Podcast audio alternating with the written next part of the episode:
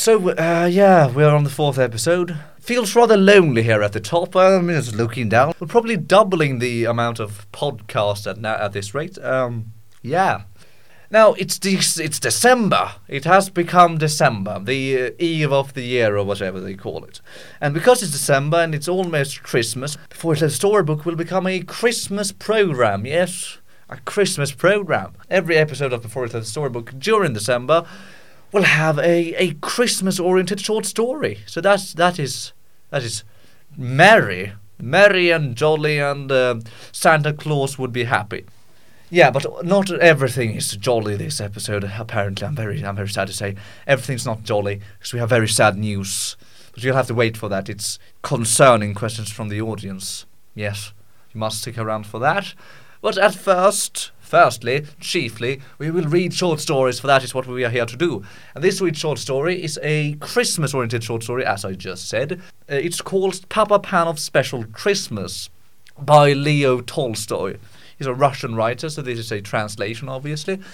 Uh, it was published somewhere in the 1860s, and uh, yeah, this uh, this one might be a bit more just a bit Christian than the other short stories I'll read. I know that's that's fucking mind blowing.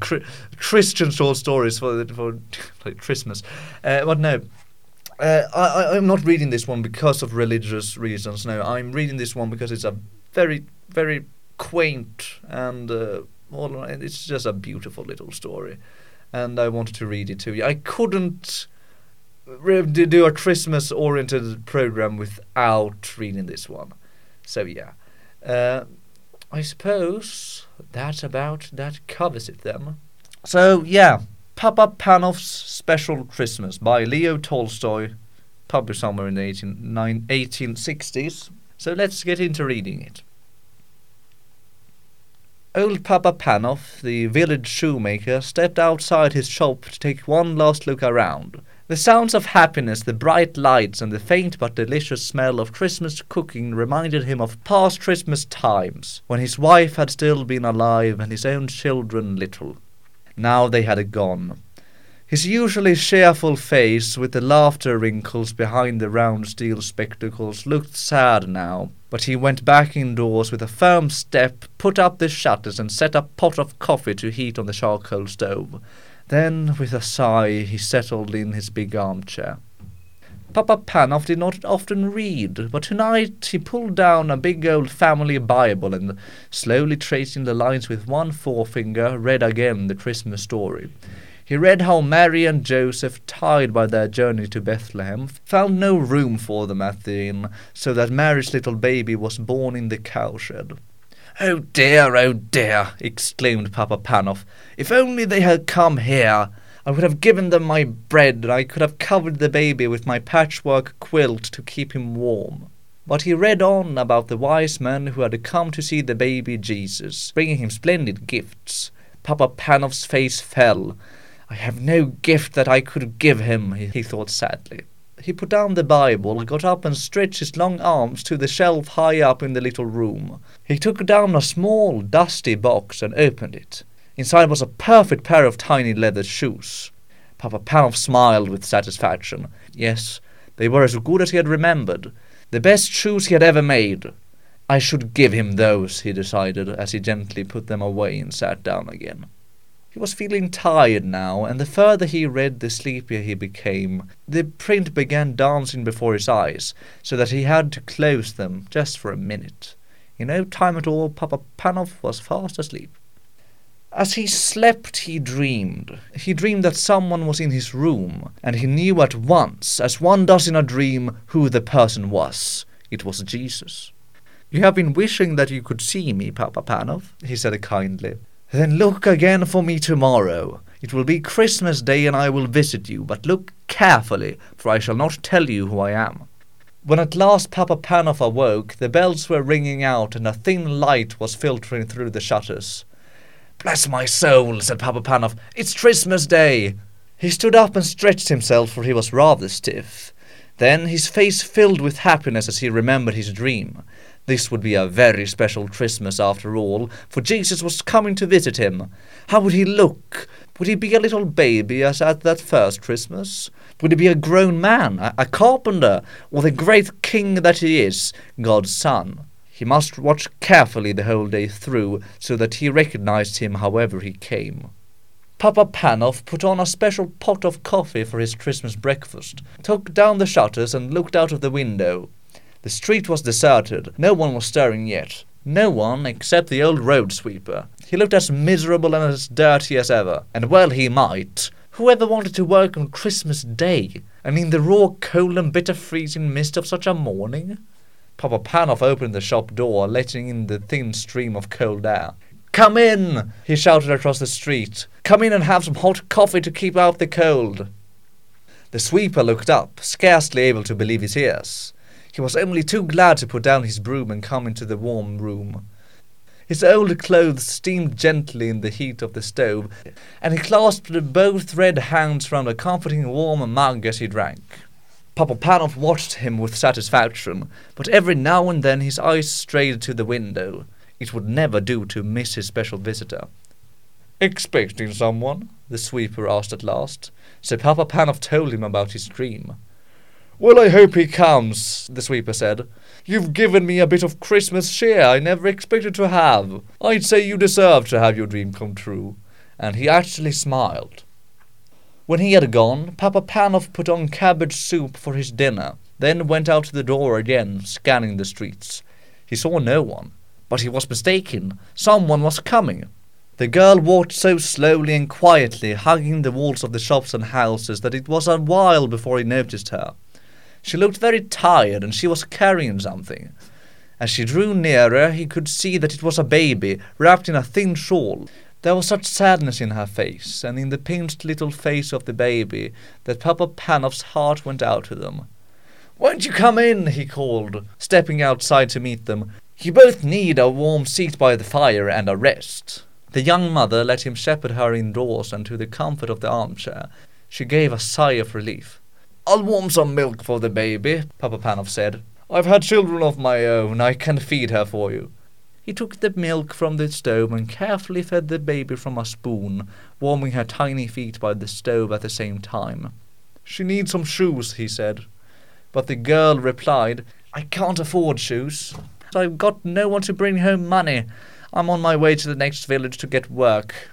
A sudden thought flashed through Papa Panov's mind. He remembered the little shoes he had looked at last night, but he had been keeping those for Jesus. He looked again at the cold little feet and made up his mind. Try these on her, he said, handing the baby and the shoes to the mother. The beautiful little shoes were a perfect fit. The girl smiled happily and the baby gurgled with pleasure. You have been kind to us, the girl said when she got up with her baby to go. May all your Christmas wishes come true. But Papa Panov was beginning to wonder if his very special Christmas wish would come true. Perhaps he had missed his visitor. He looked anxiously up and down the street. There were plenty of people about, but they were all faces he recognized. There were neighbors going to call on their families. They nodded and smiled and wished him a happy Christmas. Or beggars. Then Papa Panov hurried indoors to fetch them hot soup and a generous hunk of bread, hurrying out again in case he missed his important visitor. All too soon the winter dust fell. When Papa Panov next went to the door and strained his eyes, he could no longer make out the passers-by. Most were home and indoors by now anyway. He walked slowly back into his room at last, put up the shutters, and sat down wearily in an armchair. So it had been a dream after all. Jesus had not come.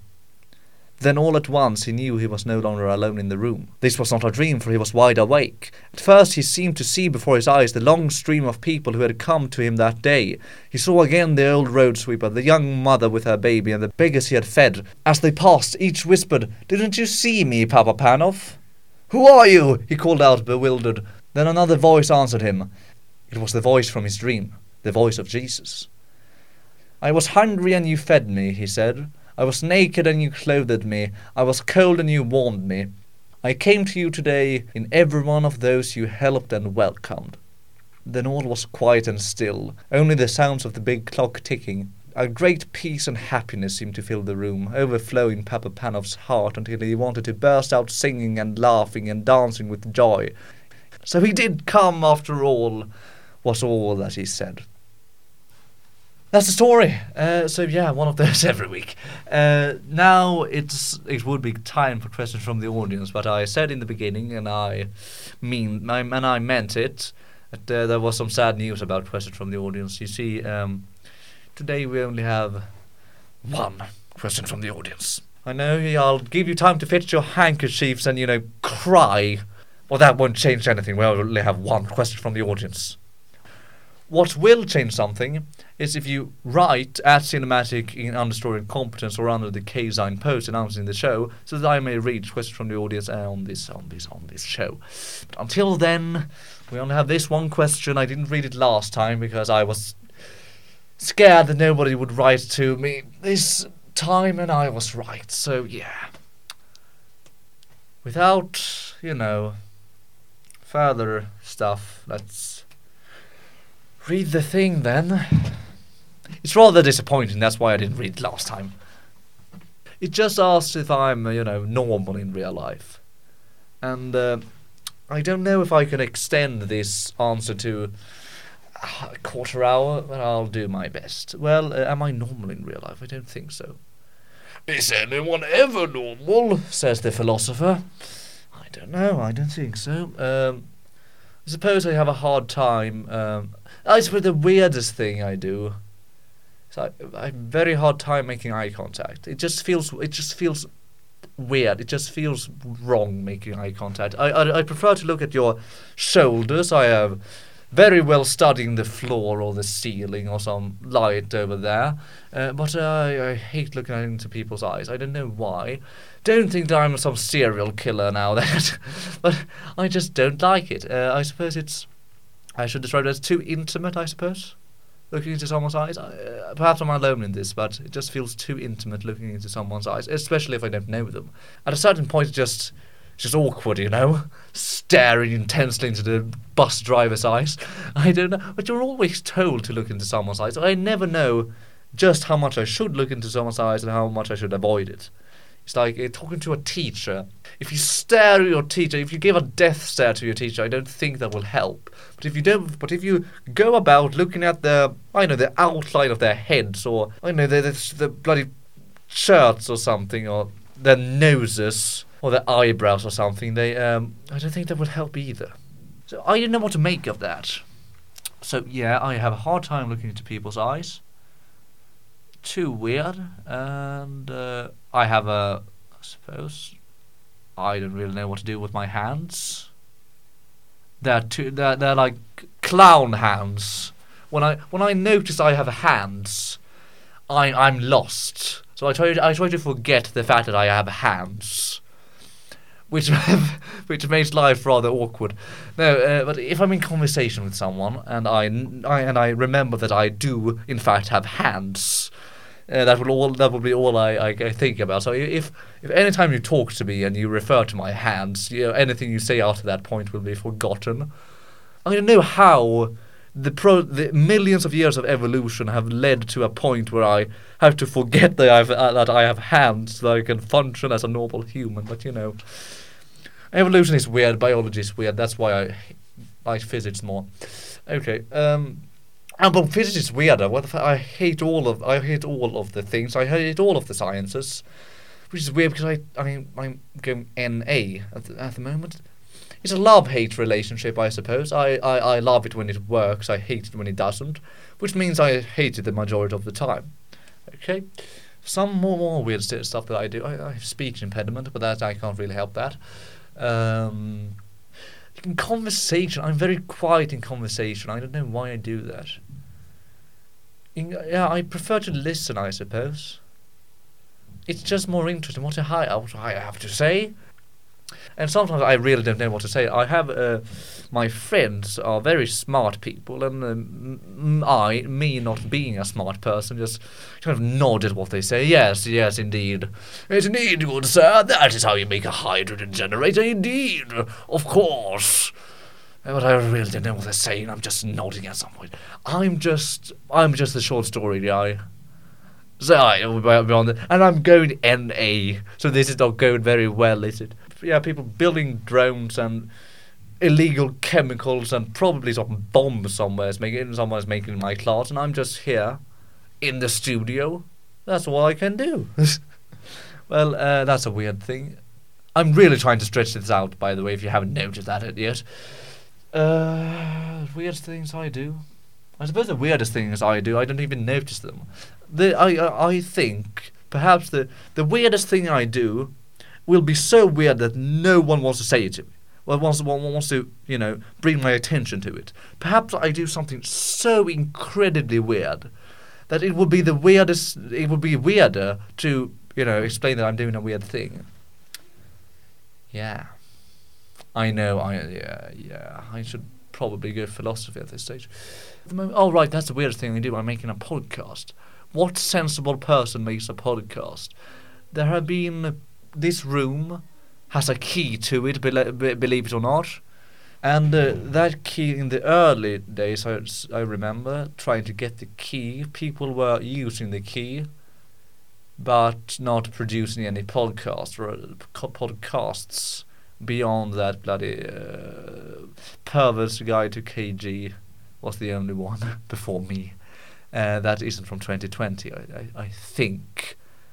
Don't take that as a factual statement, because I don't know anything about facts. Yeah, uh, I I make I make a I'm pro- yeah I'm the only person in this this school. Uh, how many people? Uh, bloody thou over. I don't know. I don't know. I'm going NA yet. I don't know how numbers work, but there are over a thousand people in this school, and I'm the only one making podcasts. So that means I'm. That's the weirdest thing I do probably. Let's see. I don't think I've passed. I don't time these things. Reading short stories takes a while sometimes. And I've read it once, then I read it again then I read it again for the for when, when I record it, and uh, of course I make mistakes there. So that takes about two days to fix. I don't know, about ten minutes or something like that. Addition. Uh, so yeah, I didn't really know how much time has passed. Uh, where I am, if I have made it to a quarter, I, I don't think I have. So I suppose I should just uh, talk for a bit. Okay, um, to talk about what more to talk about cheese.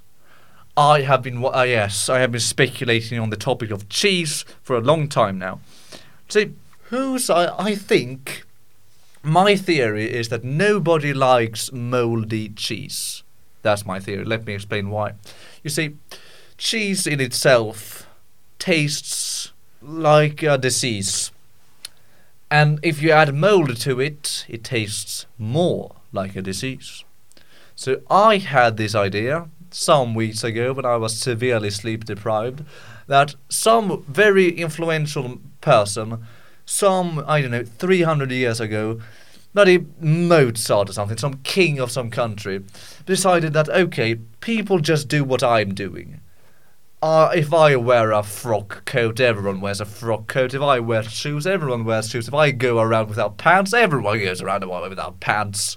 So he decided that I must play up. I must make these people people understand how very stupid they are just following my my example.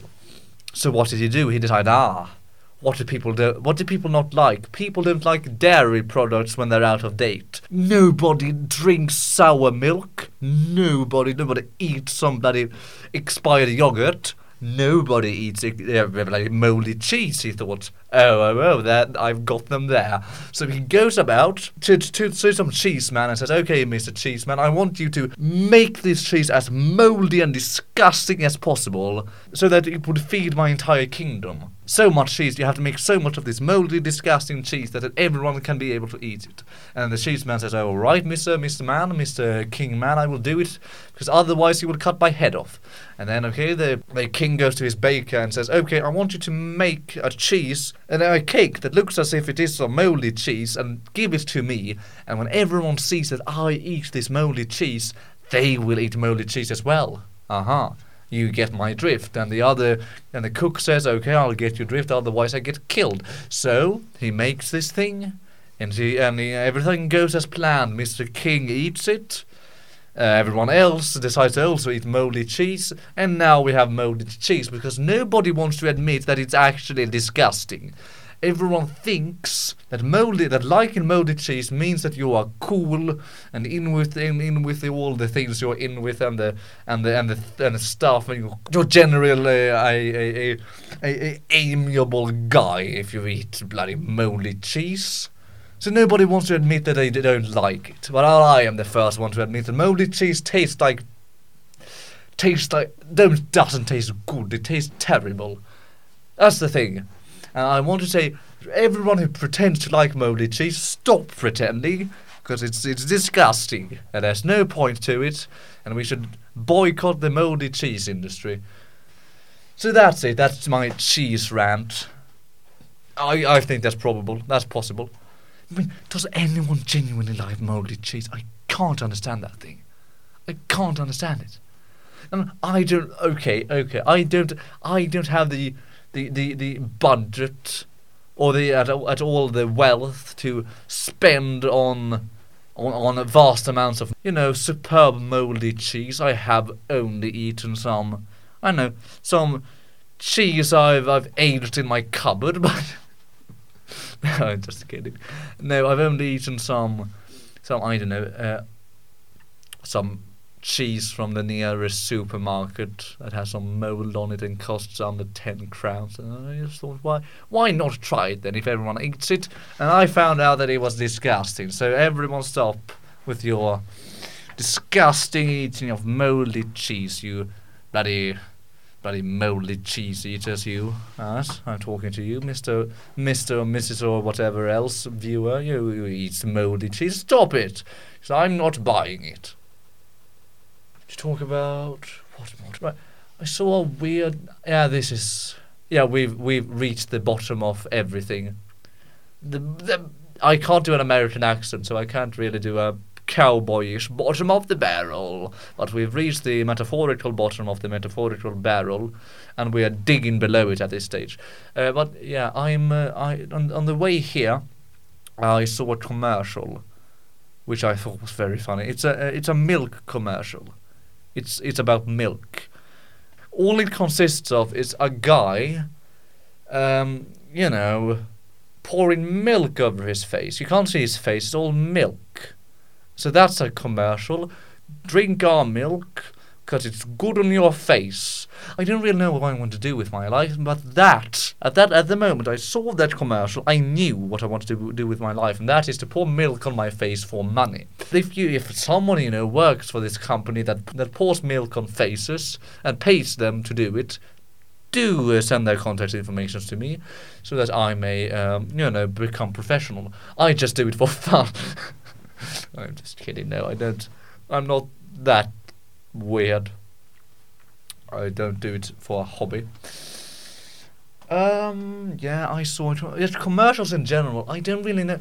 Like commercials, I haven't really been exposed to many commercials. I haven't taken the tube, the underground, or whatever you want to call it, uh, much since starting here. Uh, so I hadn't been exposed to weird commercials before. This, these commercials are weird on the tube. I saw one today on the way here that said, uh, I didn't really know what it was for, but it said, uh, girls can do anything. And that is, I, I agree with that.